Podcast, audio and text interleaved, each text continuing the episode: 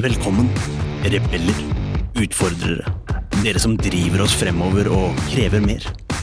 Dere som vil gjøre en forskjell. Skape magiske arbeidsplasser med lykkelige mennesker som skaper produkter som kunden deres elsker. Men 75% av nordmenn føler lite eller ingen engasjement i jobben sin. 94% av ledere sier jo at smidighet og samarbeid er kritiske faktorer for at deres organisasjon skal lykkes. Men kun 6% av dem mener selv at de er smidige. Dette er podden som vil inspirere, gi deg konkrete tips og verktøy som vil hjelpe deg med å skape endringsdyktige organisasjoner med høyt engasjerte og motiverte ansatte som lager uslåelige produkter. Med Smidigcoachen, kurs- og foredragsholderen Ida Kjær. Ved sin side har hun kurs- og foredragsholderen, smidigtransformatøren og topplederen Tobias Falkberger. Sammen har de over 20 års erfaring med å jobbe i og lede smidige team og organisasjoner. Nå kjører vi! Hei og velkommen til en ny episode av Semidigpodden. Og i dag så har vi et tema som er veldig varmt om hjertet for oss, og det er nemlig lederskap. Og ikke hvilket lederskap som helst, uten fremtidens lederskap. For nå er det sånn, folkens, at eh, fremtiden er annerledes, den er usikker. Den, vi trenger ha ledere som kan lede kunnskapsrike medarbeidere og håndtere endring. Så i dag så har vi besøk av ingen mindre enn Robin T. Sverd. Det stemmer. Robin jobber for eh, det som heter Future Leaders. Eh, Og dette er et lederprogram som jeg var med på for et par år siden.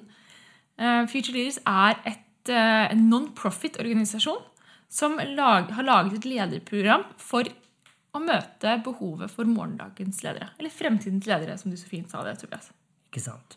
Og det her er utrolig spennende. Vi skal ikke fortelle hva hele episoden handler om før vi starter, men en ting som jeg ønsker dere skal få med dere, er at Robin han har noen interessante tanker, og han har hele programmet og hele hvorfor de gjør det her, er for at de ønsker å løse et større problem, eller være del av en løsning av et større problem.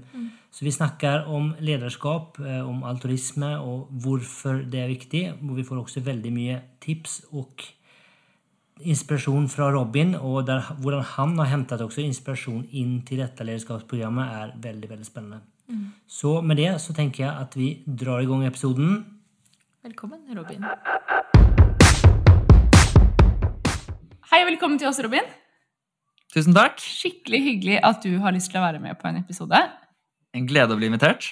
Dette her syns jeg er kjempegøy, fordi eh, du er jo med på å lede et eh, lederutviklingsprogram som jeg var med på for Mm. mange- to år siden. Det er vel et år siden, Et ikke? år siden, Et år ja. siden? Ja. Oi, tida flyr. Tida flyr. Men jeg er super Jeg syns det er så hyggelig og spennende å ha deg her, fordi det var et helt fantastisk program. Måten Mm. dere tenker på ledelse og alt, var helt magisk. Men før vi hopper inn i det, har du lyst til å fortelle litt om deg selv? Det kan jeg godt gjøre. Um, hei, alle sammen der ute i verden. Uh, mitt navn er eh, Robin. Um, og jeg um, Ja, min lille backstory er er utdanna kaospilot, som er en sosial entreprenørskapsskole, for uh, åtte år siden. Har jobba frilans som prosjekt- og prosessleder innenfor eh, et hav av forskjellige prosjekter. Jeg jobba mye med eventkoordinering og festivaler. Og mye designtenknings-fasiliteringsarbeid, da. Og så har jeg jobba eh, De siste fem årene har jeg jobba med Fuse Leaders Global, som er et eh, lederutviklingsprogram drevet av frivillige i fem byer.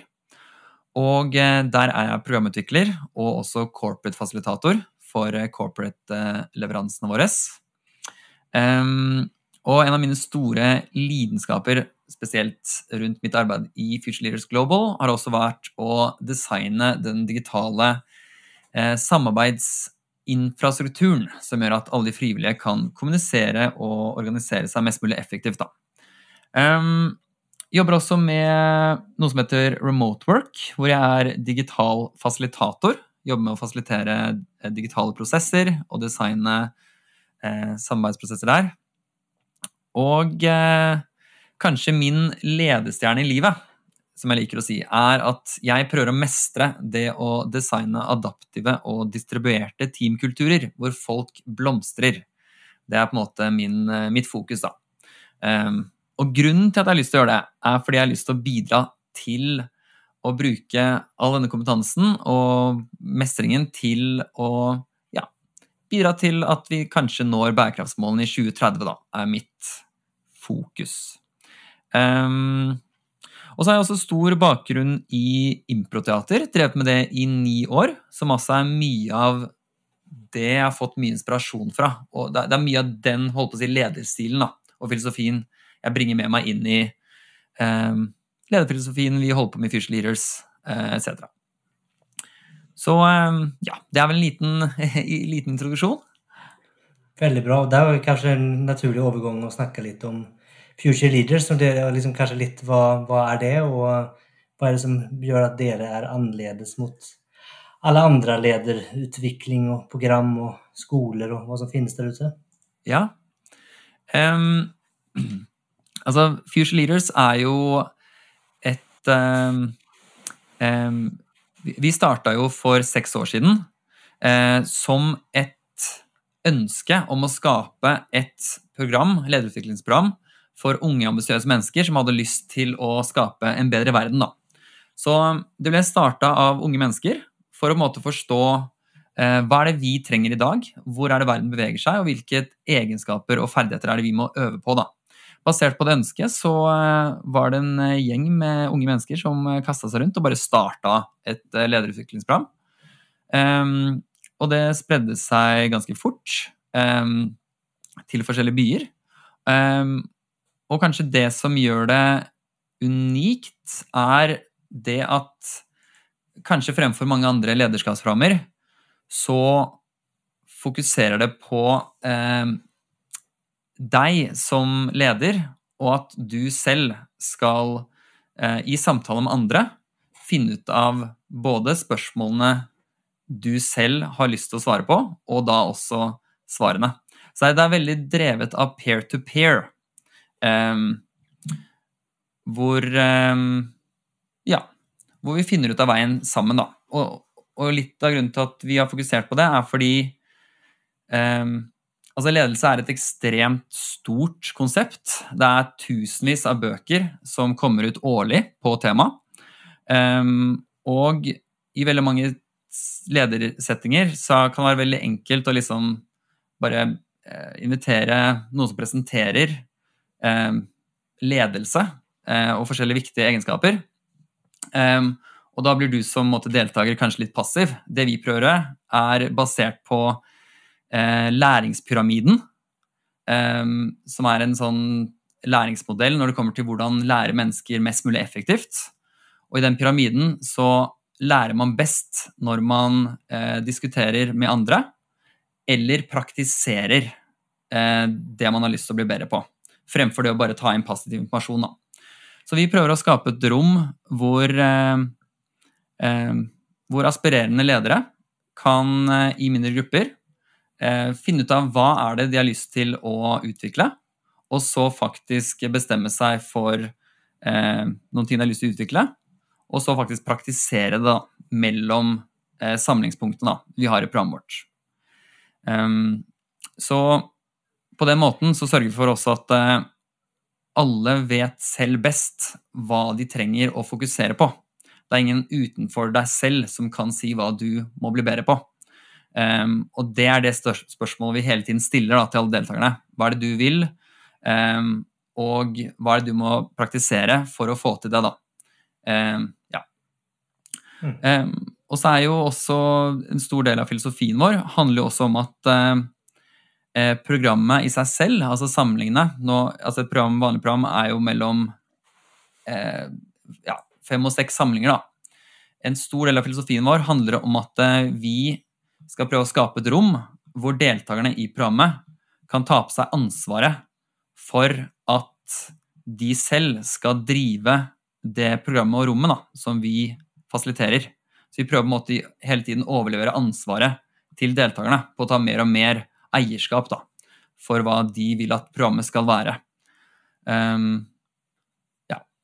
Så ja, kanskje det, var, kanskje det var en liten Det var en veldig fin eh, intro. Og det er jo, synes det, var, det synes jeg Ida fortalte om der òg, at det var liksom utrolig spennende og liksom Hva skal jeg si En frisk vind, kan man si det? At det var liksom en interessant måte å tenke om ledelse og liksom, som stemmer veldig godt med hvordan vi har diskutert rundt ledelse, og hvordan vi tenker rundt ledelse. Og syns det var liksom, litt sånn fascinerende at det har liksom måtte, altså at det hadde dukket opp, og at det fantes som et, et alternativ. Og så syns jeg det var liksom veldig, veldig interessant og veldig spennende. og Jeg er veldig liksom enig i at det er veldig vanskelig å lede andre hvis du ikke vet hvem du selv er, eller mm, hva du selv, eh, hvordan du selv fungerer. Om du ikke kan lede deg selv, så hvordan skal du kunne lede andre? da?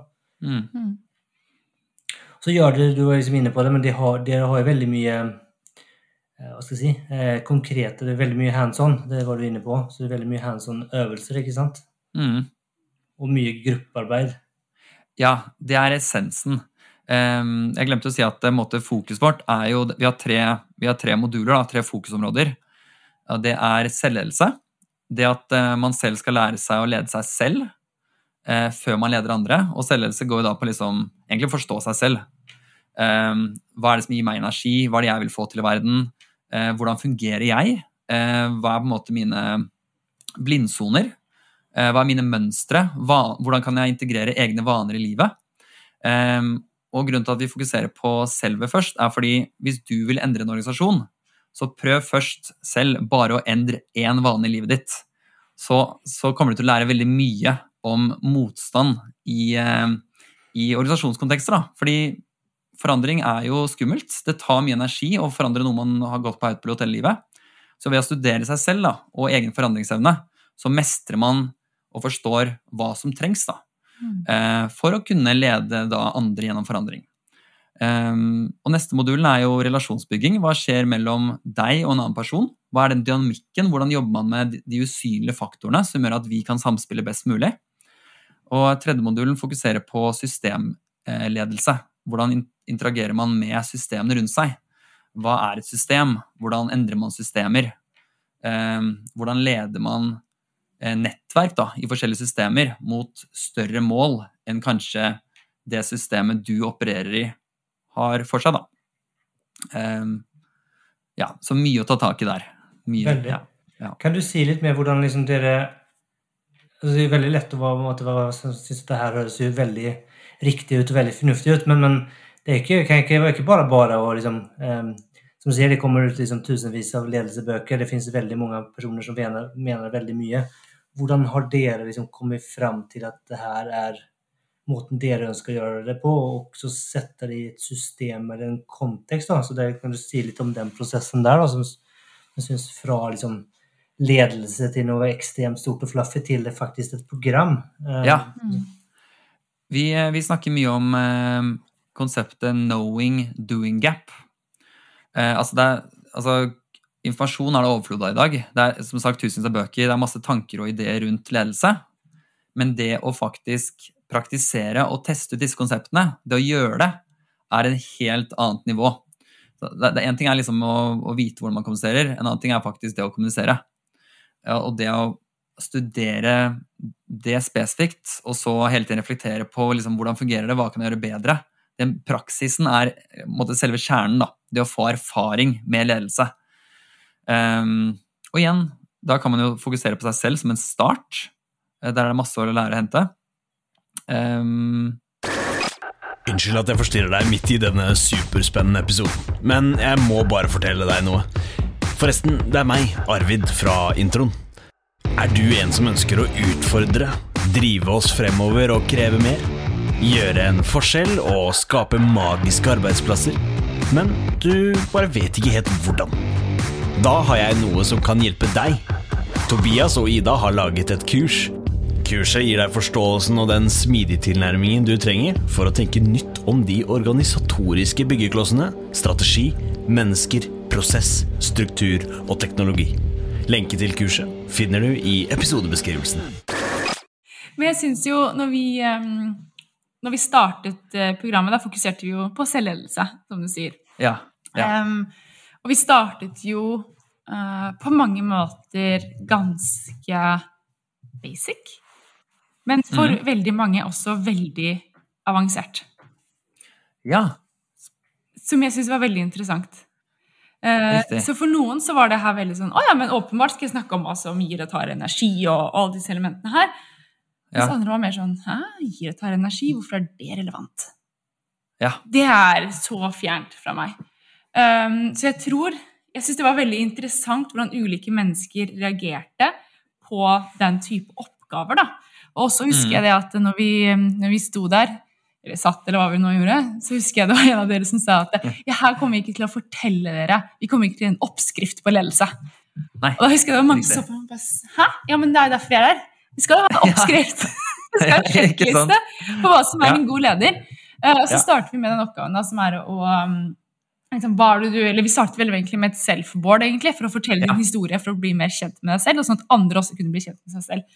Og Mm. egentlig, Jeg vet ikke helt uh, men hvorfor jeg begynte å snakke om dette her, men poenget mitt var egentlig bare det at dette her er egentlig veldig gode verktøy som jeg har brukt senere med mine team, som jeg coacher. Ja. Og hvor man ser vel den effekten det gir til mennesker. Bare det å få fortelle sin historie, eller få sitte ned og reflektere rundt hva er det som gir meg energi? Hva er det som tar energi fra meg? Da begynner Mm. plutselig brikkene å falle litt på plass. Rundt ja. hvorfor man trives med ting man gjør, hvorfor man ikke trives med andre ting. Ja. Um, som kan hjelpe deg i både det, både selvledelse, men også veien videre da, med å, å, å lede andre. Da. Ja. En, en, en stor del av måte, um, det vi prøver til, det det vi prøver å få til, er igjen at, at når vi samles i en samling, så er jo eh, Når vi er sammen der, så praktiserer vi eh, det å kommunisere og lede en selv i det rommet, da. Så bare det å fortelle sin egen historie, for eksempel, da, som du nevnte, handler jo om for det første å definere sitt eget narrativ. Hvem er det jeg ønsker å være? Hvordan presenterer jeg min historie? Og så kunne stå solid på den historien, kunne eie den historien, akseptere den bakgrunnen man har, og deretter eh, finne på en måte sin egen stil i det. da. Istedenfor at vi sier sånn Det her og det her er ledelse. Um, bare, bare sånn som i den øvelsen der, eksempel, så trener vi også sårbarhet. Det å kunne tørre å være mennesker og bringe hele seg selv til samarbeidet. Og på den måten også eh, jobbe med tillit. Det å bygge tillit mellom hverandre. Som da krever en form for sårbarhet. Ehm, og, og for eksempel, bare det der handler jo om det å kunne skape psykologisk trygghet i teamet. Det å kunne stole på hverandre. Og det krever på en måte åpenhet. Mm. Um, og det å bygge kultur er som regel en veldig usynlig ting som mange ikke tenker på. Uh, men en av, en av de beste takene jeg har hørt uh, som argumenterer for viktigheten av det å bygge god kultur, er fra CEO i Evernote, som snakker om at kultur er produktet vårt. Når dere bruker softwaren vår, som er et programvare, så er eh, den softwaren utfallet av hvordan vi samarbeider i vår kultur eh, internt hos oss. Så hvis det er en bug i plattformen vår, så kommer det direkte fra kulturen vår. Så det er det klassiske sånn eh, Culture eats strategy for breakfast.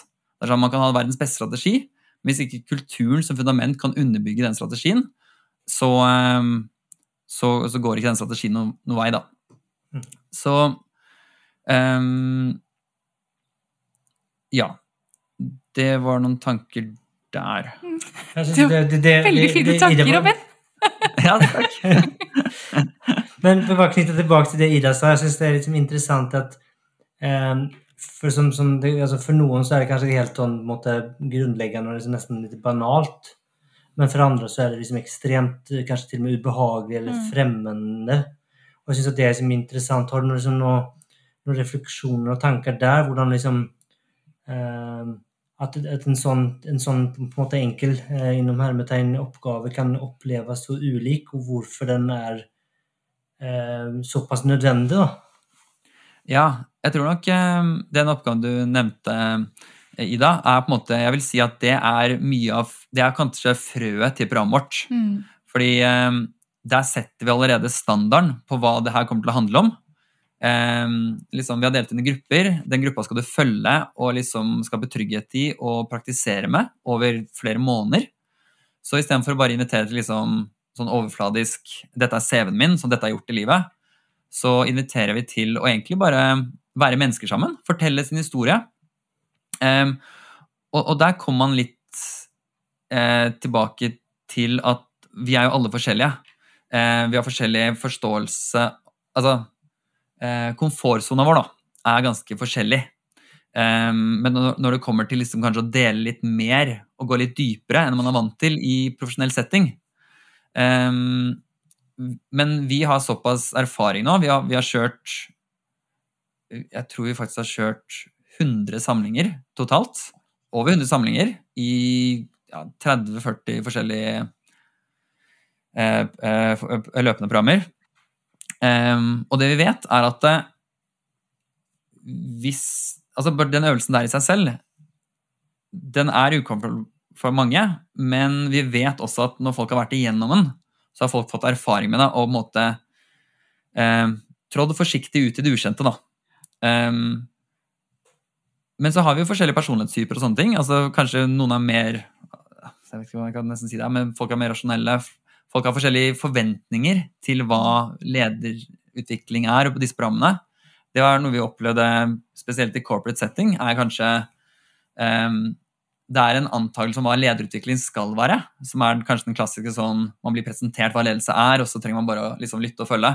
Mm. Mens, uh, mens, det vi prøver å skape, for å gå litt tilbake til det igjen, er det å Vårt mål er å fasilitere for at deltakerne tar mer og mer ansvar.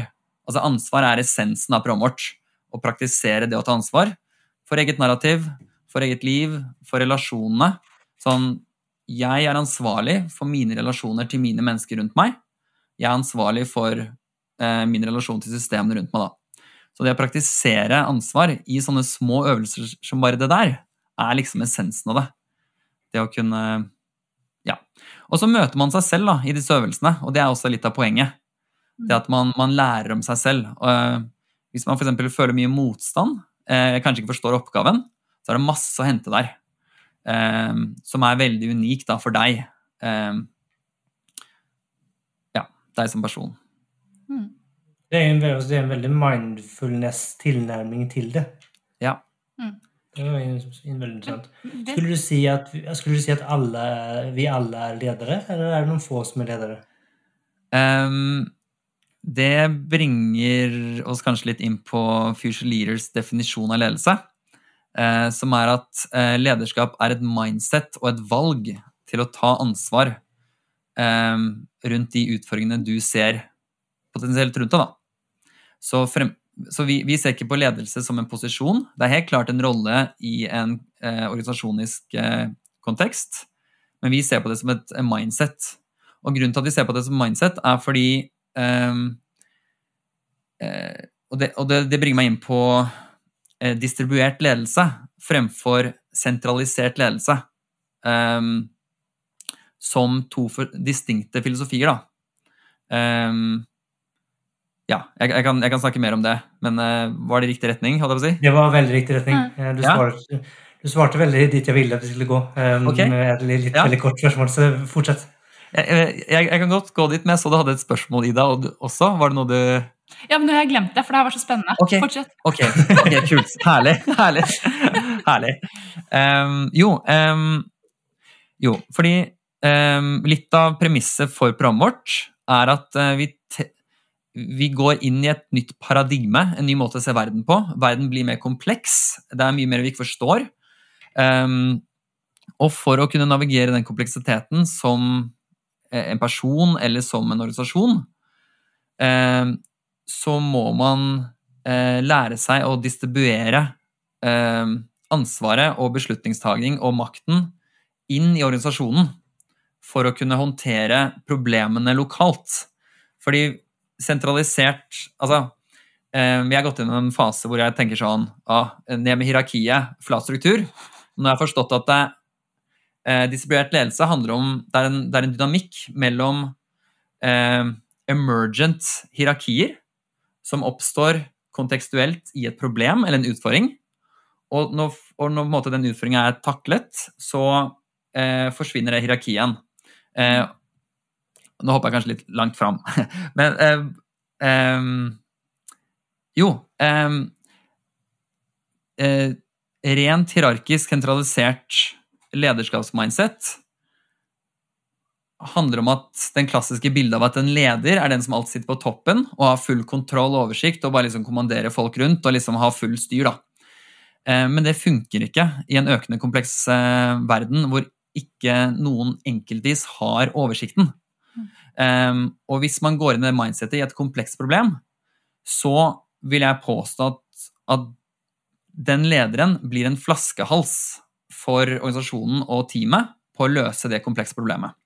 Så for å løse det komplekse problemet så må man distribuere ansvaret inn til flere og fasilitere for at man øker kommunikasjonen eh, og koordineringen i det teamet eller organisasjonen, sånn at teamet eller organisasjonen kan finne ut eh, sammen og ta ansvar og på en måte lede lokalt. da, eh, Der de ser en løsning på utfordringen. Eh, og nå snakker jeg kanskje i sånn abstrakte terminologier, holdt jeg på å si. Eller sånn, kanskje blir det litt abstrakt å snakke på den måten her? Nei, ikke i det hele tatt. Det Det gir veldig, veldig mye mening. Og Tobias og jeg snakker jo ekstremt Vi snakker veldig, veldig mye om akkurat dette her. Hvordan du må Ja. dytte ned beslutningstakningen og la de menneskene som sitter med kompetansen og kjenner på problemet, få lov til å ta beslutningene. Mm. Eh, Sånn at du unngår nettopp det du sier, da. At lederen skal bli flaskehalsen. Ja. Men da kommer egentlig liksom nesten eh, Det er jo et spørsmål her, men eh, jeg skal prøve, eller jeg skal prøve å formulere det som et spørsmål. Mm. For, for det som jeg, litt For å følge Ida sitt spor, så er det jo fort gjort at du går fra, du går fra et system til et annet. Du kanskje anerkjenner at du må gjøre ting på et annerledes. eh, Gjøre ting annerledes. Så fra å ha tatt én leder, så kanskje du plutselig ender opp med ingen leder. Mm. Og i den transisjonen der, og det er jo ikke altså, si, Gå fra en leder til ingen leder er jo ikke, er jo ikke nødvendig, eller er jo ikke det du ønsker. Nei. Det er jo noe, men ikke, det blir ikke et spørsmål her, men hvordan For du, vil jo få den Den transformasjonen er jo egentlig Du vil gå fra en leder til egentlig at alle er leder når det trenger å være leder. Ja. Men det er jo ikke nødvendigvis Det syns jeg kanskje ikke man snakker nok om, og man kanskje ikke er nok bevisst om det. Og det er, jeg kan jo si at jeg syns at det er mange ganger så er man urettferdig, for man forventer I denne transisjonen så forventer du lederevne og lederatferd eh, uten at du har gitt de folka verken eh, erfaringen, kompetansen, forståelsen eller verktøyene for å gjøre det. Mm. Kan du- Kjenner du igjen deg i den eh, problematikken? Ja. Um, jeg, jeg tror mye av den måten her å jobbe på går tilbake til min erfaring fra Kaospilotene, som er en veldig sånn uh, Altså, altså det, jeg, distribuert ledelse har jo mange navn. Em, agilt vil jeg kanskje lese inn i som en annen måte å snakke om det samme på. Um, men på Kaospilotene så hadde vi fra dag én eh, denne på en måte kulturen i teamet. At eh, vi som et team vi måtte finne ut av å ta ansvar og, og lede der vi så det trengtes å ledes. Da. Og da har man jo fort kanskje 30 stykker som, eh, som praktiserer ledelse og på en måte vil lede. Da. Så, så mye av den læringskurven her handler også om å forstå hva ledelse kan være og er. Um, um, se Jo, Um, ja. ja. Så det, det er min erfaring og bakgrunn. Um, men, men det du sier, um, jeg er helt enig. Jo, det var det som var poenget mitt. Hvis, hvis, hvis, team, hvis man har erfaring med denne måten å jobbe på, så er det en selvfølge. Men det er mange som ikke har den erfaringa. Og da vil jeg påstå at eh, du som leder, din rolle er jo å eh, eh, lære opp eller hjelpe andre til å lede rundt deg, sånn at flere kan ta ansvar eh, og ta valgbeslutninger på vegne av hele teamet. Og på den, på den måten øker man jo på en måte båndbredden på beslutningstaging og kommunikasjon og problemløsning, sånn at igjen du ikke blir flaskehalsen. Eh, men der er det en reise. Eh, jeg, og det er jo eh, Jeg tenker på noen modeller jeg har tenkt visuelt, som jeg har sett visuelt, men sånn der er det jo vanlig at hvis de andre i teamet som du prøver å lære opp, ikke har erfaring, så vil det være- naturlig at du har den klassiske lederrollen i starten. Eh, Men så blir ditt mål som leder sakte, men sikkert å delegere ansvar og, og liksom løfte opp andre og måtte definere ansvar da, og, og overgi ansvar. Eh, Sånn at det er flere og flere tapsansvar.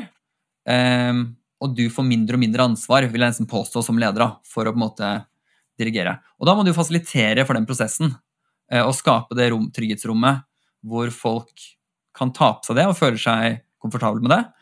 Eh, og så vil jeg nesten si som et mål at du har gjort jobben din når du ikke er nødvendig mer, når du er ute av en jobb. Sånn liker jeg å tenke på det. Når du kan stige tilbake og alt kjører seg selv, da har man eh, Da har du gjort en god jobb, da, vil jeg nesten påstå. Mm. Det er litt morsomt at du sier det, fordi eh, Tobias sa, du sa akkurat samme til meg, Tobias, for noen år siden. Eh, når du eh, Var det når du startet Ledercoachene, tror jeg? Så sa du et eller annet om at eh, ja, jeg har gjort en god jobb når ikke de trenger meg lenger. Ja. Ja. Um, og jeg tror det er de færreste ledere som De færreste personer tør egentlig å tenke det. For det er ingen Mm. som har lyst til å bli i gåsetegn, i gåseøyne, ja, overflødig. Mm, nei, ikke sant? Jeg tror det er veldig mange som syns det er skummelt å tenke at man skal dit. da. Ja. Eh, Jeg tror det er mange som har en mental sperre for det. Det er liksom Ja. mindset-endring. Ja. Og, da, og da har man jo kanskje eh, Der har man jo mange andre, andre ting inne i bildet. Altså kanskje identitet, da, for eksempel. At man har lyst til å være lederen, eh, og, og slike ting. Og det, og det, er, derfor, det er derfor jeg liker å eh, skille mellom leder og ledelse. For jeg vil nesten påstå at ledelse er en praksis, og leder er en rolle. Uh, og ledelse kan alle praktisere i en eller annen form. Um, Snak, jeg kan ikke huske om vi snak, diskuterte dette her uh, på, i programmet, men snakker med noe om eh, jeg intensjonen man har for å være leder? Eller ønsker å være en leder, eller ønsker å lede? Ja. Ehm, jeg tror vi har, en, vi har en øvelse som heter My way to leadership, Mm. som stiller det spørsmålet. Uh, hvorfor vil du uh, praktisere ledelse? Mm. Um, og den motivasjonen i seg selv, eller, eller det, det der er jo essensen av hvorfor man har lyst til å ta på seg egentlig så mye ansvar da, som å praktisere ledelse. Uh, jeg tror vi hadde den. Ehm,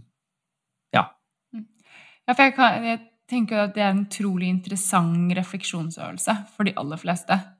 Eh, For det er Mhm. veldig mange som, eh, som har som mål å bli leder. ja. Um, som jeg syns er et interessant mål i seg selv. Ja, ikke sant? Um, Og, og, og der er jo essensen av, av det. Som, man kan jo se på ledelse som en praksis, og der er det masse verktøy, modeller og liksom ferdigheter man kan trene seg i. Så kommer jo det store spørsmålet hvorfor har du lyst til å praktisere det? Og der har jo alle unike svar, som er essensen av praksisen deres. Um, og så liker jeg også å stille spørsmålstegn sånn um, Hvordan vil du um, Hvordan vil du at andre skal føle seg når du leder med de? Eh, hva er dine styrker og svakheter som en leder? Så den selvrefleksjonen da, på Mm. din lederfilosofi er veldig viktig, eh, vil jeg påstå. Og den, er- den er din, den er på en måte din unike filosofi. da. Så det er det vi på en måte også prøver å komme litt til bunns i da, i programmet. er sånn, Hvordan ser du på ledelse? Hva er ledelse for deg? Hvorfor har du lyst til å lede? Eh, og deretter kan man jo finne de riktige praksisene, filosofien og teorien og alt mulig. Det var et utrolig interessant spørsmål. Ja, Det skal jeg begynne å stille. Ja. jeg, jeg, jeg kan jo også bare si at eh, hele, altså I Fusion Leaders så har vi open sourca hele programmet vårt, så alle øvelsene ligger på, på eh, Git-boken vår. Og altså, vi har lyst til å, lyst til å nå bærekraftsmålene og liksom skape mer i verden, så vi har bare open sourca alt. eh, og bare sier sånn Hvis dere har lyst til å praktisere lederskap, så bare sjekk, sjekk Git-boken vår, og så ligger liksom refleksjonsøvelsen der da, klar til bruk for eh, internt i selskaper etc. Hvis man har lyst til å skape den type, tilrettelegge for den type kultur, da. Fantastisk filosofi. For vi har, vi har, igjen, da. eh, Vi, har, vi, har ikke, vi blir flaskehalsen hvis, eh, hvis vi skal eh, holde tilbake den kunnskapen der. Mm.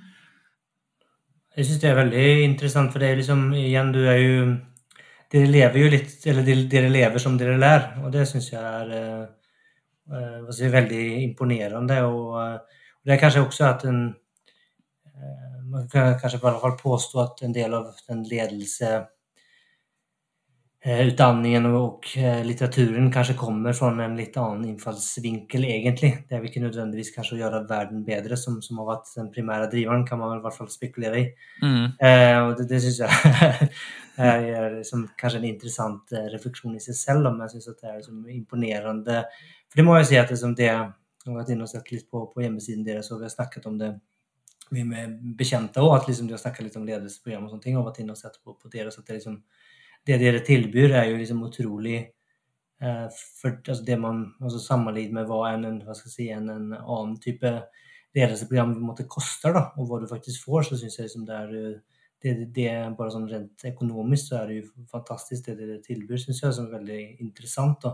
Når det i tillegg er liksom såpass i tråd med i fall hva vi mener er riktig ledelse inn i fremtiden. Og så syns jeg det er liksom et fantastisk eh, tilbud, sier jeg altså, uten å være sponset på noen som helst måte.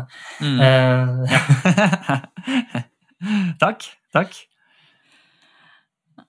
Og, og, og det er jo nettopp litt av det som også eh, For oss er det her eh, altså det er jo, det er jo en livsstil, det er jo det er en praksis. Det er liksom eh, Mye av det vi mye av det det kommer ned til, er jo hva du velger å gjøre her og nå. Sånn som alle disse refleksjonsøvelsene våre handler om liksom, nå skal vi fokusere på det her. Eksempel, hva gir energi, da? Hva tar energi? Vi løfter opp det, får en oversikt, basert på den oversikten sånn Vet du hva, det her tar energi fra meg. Da skal jeg praktisere det neste gang. Prøve mindre av det, og kanskje mer av det her. Og da handler det om liksom Du står opp eh, klokka ni. Hva gjør du i øyeblikket? Um, for det er der på en måte skaper endring.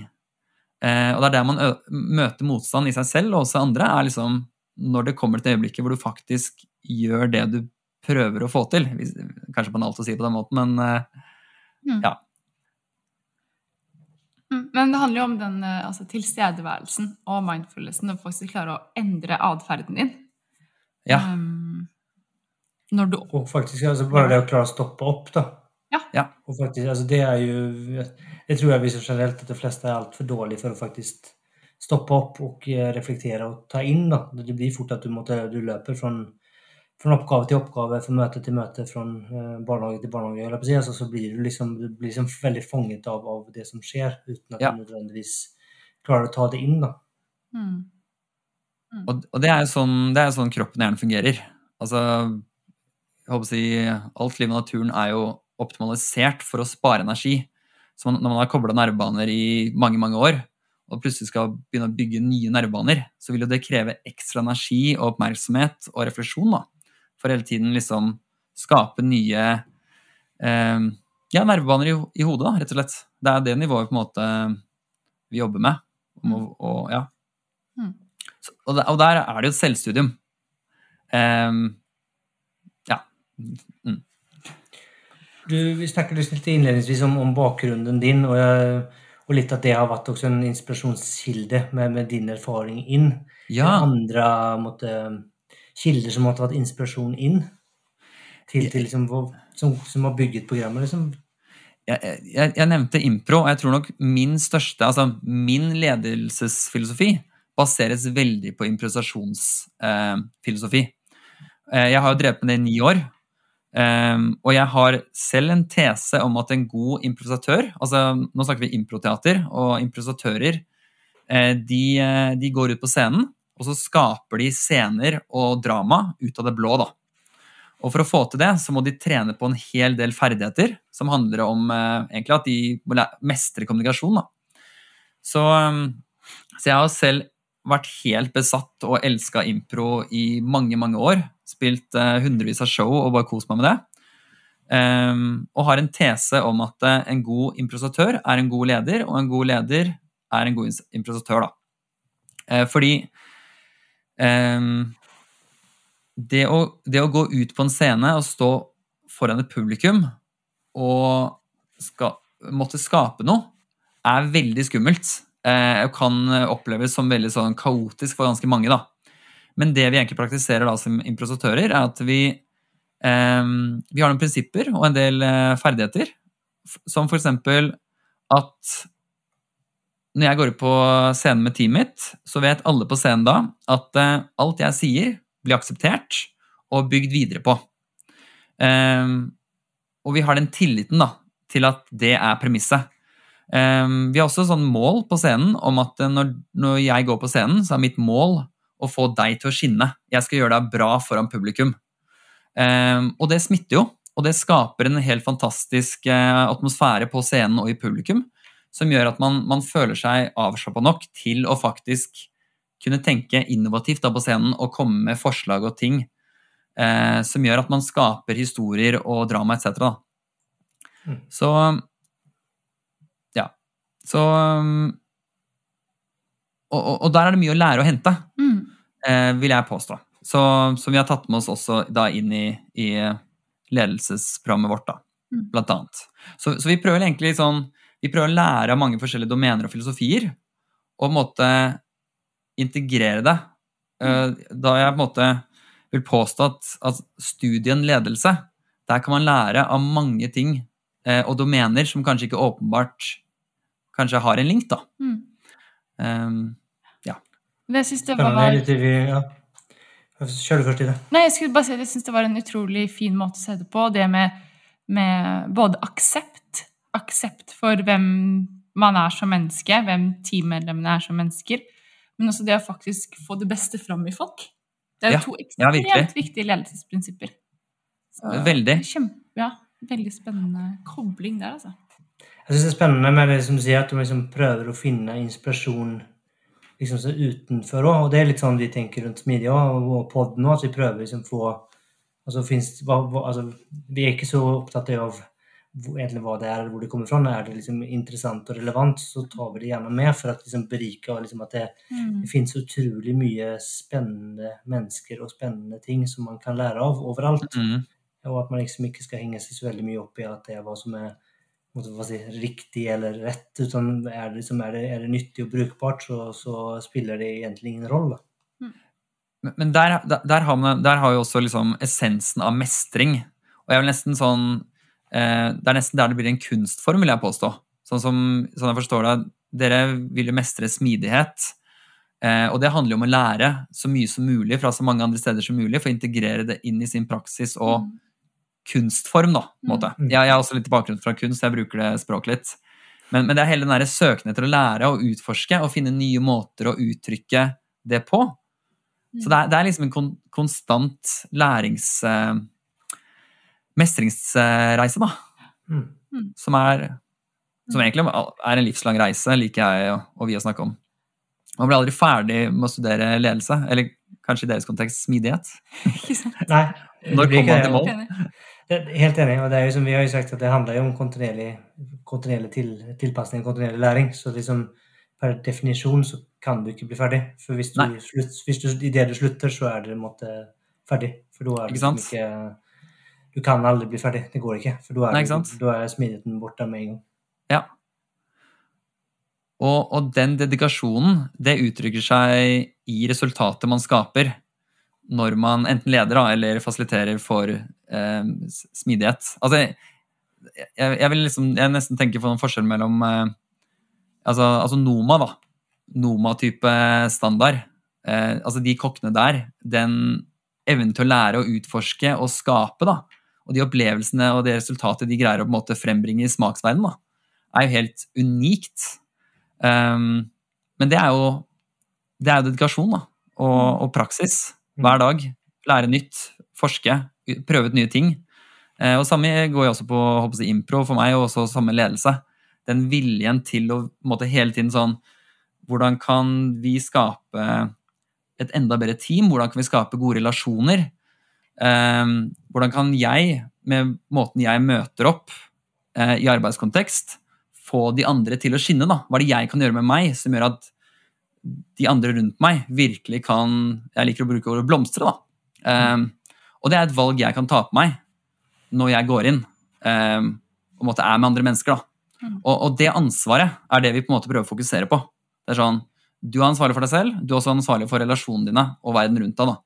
Så man på en måte kan skape den forandringen ut fra seg selv. Og når måte, det er en del av kulturen, når flere gjør og vil og praktiserer det, så kommer man inn på veldig spennende måter å tenke organisasjon på. Da. Og de formene det kan ta, og det resultatet det, den kulturen kan ha på verden. Da. Um, ja. Og da, da blir det også bare en sånn, det blir et community, det blir en livsstil, da, hvor folk virkelig vil hverandre det beste og skape sammen. og Det, det, er, det er en annen glede da, Mm. som, som, som kommer frem, vil jeg påstå. Også som en bonus på alt det her. Så kult. Jeg ser at eh, tiden løper litt ifra oss, eh, og det gjør det når man har gode samtaler, så jeg tror vi må Ja. begynne å runde litt av i det. Ja, Ja. men det er to ting Du har siste spørsmål? Jeg har to tror ting det, ja. jeg må spørre om. Eh, Jeg, tar den, jeg starter naturlig nok med den ene. Og vi har Google Doc som vi har delt, og der har du skrevet Ja. 'Burning Man' to ganger. Ja, det har jeg. Ja, så det, det må du før vi liksom avslutter. Ok, okay, ok, ok. fortell. Takk for at du minnet meg på det. fordi det var, eh, når du stilte spørsmål i stad, eh, Tobias, hva er det som inspirerer deg? Jeg er en stor del av Burning Man-nettverket i Oslo også. Og Burning Man, for de som ikke kjenner til det, er et, event, et samskapt event, opprinnelig i Nevada-ørkenen i eh, USA, som, eh, som er et event hvor du skaper eventet, og det er basert på ti prinsipper. Eksempel, eh, et av de er radical expression. Du kan uttrykke deg fritt. Radical inclusion. eh, Du inkluderer alle.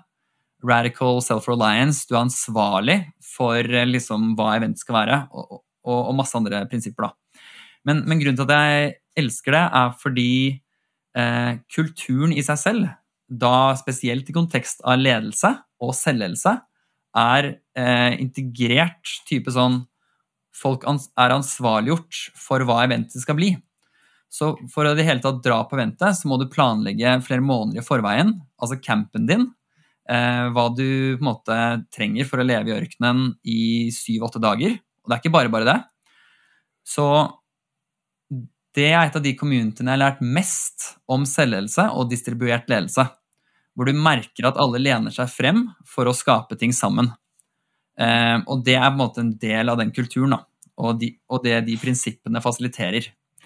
Så eh, en, en gjeng med skikkelig eh, morsomme, bra folk som virkelig tar ansvar, ikke bare på eventet, men bruker det eventet som et uttrykk for en større livsfilosofi da, om å ta ansvar i verden og bygge den verden man har lyst til å leve i, da, som egentlig er det det eventet handler om. Spennende. Så gøy. Ja. Veldig. Det var veldig interessant. Eh, Mitt andre spørsmål det går på, Jeg husker ikke om vi snakket om det før vi begynte å spille inn, eller om vi snakket om det helt i starten. Men det er at du nevner litt dette med um, det du ønsker å oppnå med distribuerte teamkulturer hvor folk blomstrer. Og så snakket vi litt om digitale verktøy. Og det har jeg. Ja, bare lyst til å bruke litt tid på. Jeg vet vi liksom eh, Ja, folk det var- syns dette er gøy, og for jeg tror det kan gi mye verdi da, til folk som lytter. Ja, dere får heller klippe vekk det som ikke er interessant her. Um, um, jo, um, ja, det er, det er et kjempespennende tema. Og der er jeg må nesten påstå at jeg er litt ekstra nerd. Fordi uh, ja, det, det gir meg også muligheten til å dele et av, et av de quotesene jeg er mest glad i, og det er faktisk Martin Luther King. Uh, og han sier Those who love peace must learn to organize as effectively as those who love war. Så det er evnen til å kommunisere og organisere seg mer effektivt er igjen en organisasjonspraksis. Altså Tenk en organisasjon er et nettverk av altså, x antall tusen mennesker som prøver å få til noe sammen. For at de best mulig skal få til det, så må de kommunisere og organisere seg mest mulig effektivt. Eh, og det er så klart liksom, Standard kommunikasjon er kroppsspråk, tonefall, verbalt. Eh, som det, det apparatet vi har menneskelig. Men så har vi moderne teknologi og type digitale verktøy eh, for å optimalisere den eh, kommunikasjonen og organiseringsevnen. Og der har du så klart e-mail, men e-mail er fra steinalderen. Det fins så mange kule digitale verktøy. Eh, jeg kan bare nevne noen få. Eh, Asana er et prosjektstyringsverktøy. Eh, se på det, integrer det i livet. altså Prøv å mestre det, så har du et av de mest optimaliserte kommunikasjonsverktøyene for å få til ting og strukturere to do's, prosjekter, deadlines, ansvarsområder eh, etc. Jeg, jeg har lett i å si, ett og åtte år etter gode verktøy. Det er et av de beste jeg har funnet, men det er kanskje også et sånn, sånn smaksspørsmål. Eh, Miro, eh, herlig digitalt verktøy for å kunne tenke visuelt sammen og bygge ut kreative prosesser i fravær av fysisk eh, jeg håper å si whiteboards. Eh, Slack er jo standard i dag for å kunne organisere og kontekstualisere kommunikasjon. Eh, som også gjør at det blir open source, sånn at flere kan få tilgang på informasjonen, så de også igjen da, kan ta ansvar og valg basert på det, istedenfor at det blir låst på, i siloer i mailtråder som det ikke er noe oversikt på. Ehm, ja, altså Google Drive Suite ja, det, er mange, det er mange verktøy, da, men hensikten med å integrere de, sy de sammen, er igjen da å øke båndbredden på kommunikasjon og organiseringsevnen. Eh, Så de, de organisasjonene som måte mestrer det, de er noen, de er noen nivåer foran. Eh, Og poenget her er at det øker deres evne da, til å navigere kompleksitet som en organisasjon. Um, så jeg, jeg liker å tenke på organisasjoner litt som altså, Se for deg at en organisasjon da, er eh, en elefant eller en tiger. Eh, organisasjonens evne da, til å på en måte navigere jungelen kommer ned til hvor effektivt de kan kommunisere. Eh, og der har du verktøy, da. Digitale verktøy. Så ja. Spennende. Spennende. Nei, Det altså er mye, mye kjent der. Eh, Ja. As As Asana har jeg faktisk brukt, eh, men nå er det ganske mange år siden. Men de andre bruker jeg veldig, veldig aktivt eh, Ja. til daglig. Så må Ja. jeg si dere er ganske framme. I Riks-TV er dere veldig framoverlent. jeg håper og tror det, i hvert fall. Mm. Nei, men det er, det er interessant. eh, Vi ser jo det at eh, veldig mange vi har snakket om, eller snakket med, de siste egentlig året på Smidigpodden, mange av dem har jo nevnt det at eh, viktigheten av digitale verktøy for samhandling, og hvis den, jo høyere den digitale forståelsen og eh, liksom, eh, tryggheten, kan man si det sånn, var før eh, covid, jo mindre produktivitetstap opplevde man, da. Ja. Eh, Som i seg selv, det sier seg jo selv, men eh, ja, det er uansett interessant. Vi må nesten bare ta den historien nå, for vi har faktisk en ganske, vi har brukt Slack i mange, mange år. Men mm. vi ser faktisk en trend over tid at mer og mer av kommunikasjonen går i åpne kanaler. Ja. Eh, så att, och du kan jo bruke Slack som en eh, en-til-en-dialog. Egentlig på samme på lik, like, på lik linje som mail. Og sånn mm. sett tar du ikke oppnådd noe. Så at, um, hvis du ikke har måte, kulturen og måte, åpenheten og tilliten i bunn, så vil du komme veldig kort med et verktøy. Men hvis du har kulturen i bunn å bygge på, så kan et verktøy gi deg veldig mye. Men du kan ikke Det er kanskje viktig å betone at du klarer ikke å løse de underliggende problemene med et verktøy. Det er sant. Det er sant. Helt enig. Good? Yes. Ja, skal vi hoppe inn de siste fem spørsmålene? La oss gjøre det. La oss gjøre det. All right. Det første, Robin, det er hva ville du fortalt 20 år gamle deg selv? Ja, jeg så den. Eh, Den var morsom. Um, jeg, jeg har jo vanligvis svart der eh, Jeg er veldig glad for reisen min eh, så langt, som har gjort meg til den jeg er. Men jeg ville, altså det første jeg tenkte, var jo jeg ville bedt meg selv investere i bitcoin mye tidligere. Kanskje? Det er noe klassisk jeg, jeg, jeg sto et veiskille for ti år siden. Jeg holdt på å liksom gå inn i det, men så bare skifta retning. Men, men jeg tror kanskje Jeg ville sagt til meg selv eh, du, er fullt, du er ansvarlig for ditt liv. Fullstendig ansvarlig. Det tror jeg kunne hjulpet meg mye tidligere til å ta eierskap for ting jeg projiserte på verden der ute, som da gjorde meg et offer til offer for de tingene.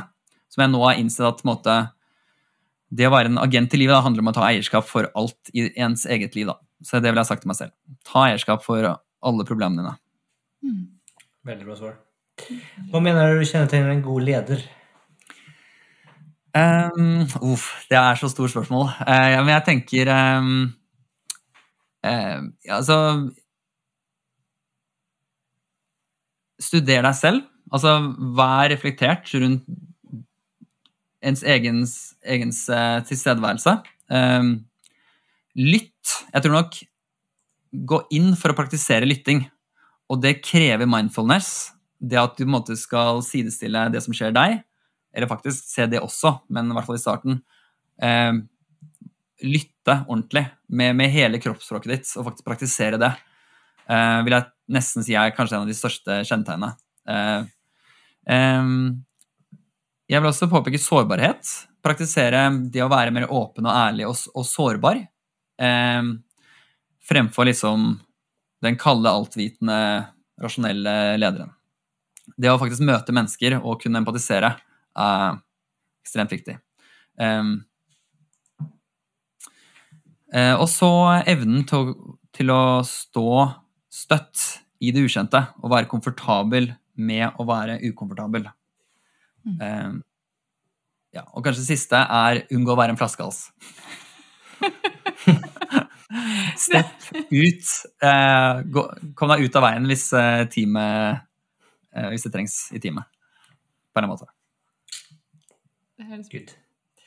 Hva vil du som tips, da, hvis man ønsker å etablere en mer endringsdyktig kultur? Um, jeg er litt biast, men jeg ville nesten tenkt um, Gjøre litt mer teaterøvelser. Praktisere litt impro, teatertype øvelser. For det, det gjør at du lærer deg til å tenke, uh, uh, tenke på føttene. Det, du, du bygger teamkultur. Du, du prøver å få hverandre til å skinne og bli vant til å måte, komme inn i en sånn eh, eh, måte å være på da, som et team når du prøver å løse problemer sammen. Så jeg ville, jeg ville sett eh, Jeg ville starta med impro, men jeg er igjen veldig biased og har en stor forskjellighet for det communityet. Der må jeg bare skyte inn, da, for alle de som syns det høres veldig stort og skummelt ut, så hadde vi jo noen sånne noen øvelser du introduserte eh, Ja. når vi hadde Pioner, som eh, jeg syntes var veldig sånn wow, det her var skummelt. Men når du først gjør det én gang Det var veldig så lettbeinte øvelser. Så Ja. var det veldig gøy, og det gjorde utrolig mye med dynamikken i gruppa.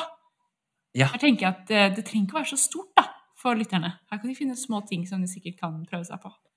Godt Jeg poeng. sitter faktisk med, med samme erfaring. Vi hadde det faktisk i Riks-TV, alle sammen, en gang.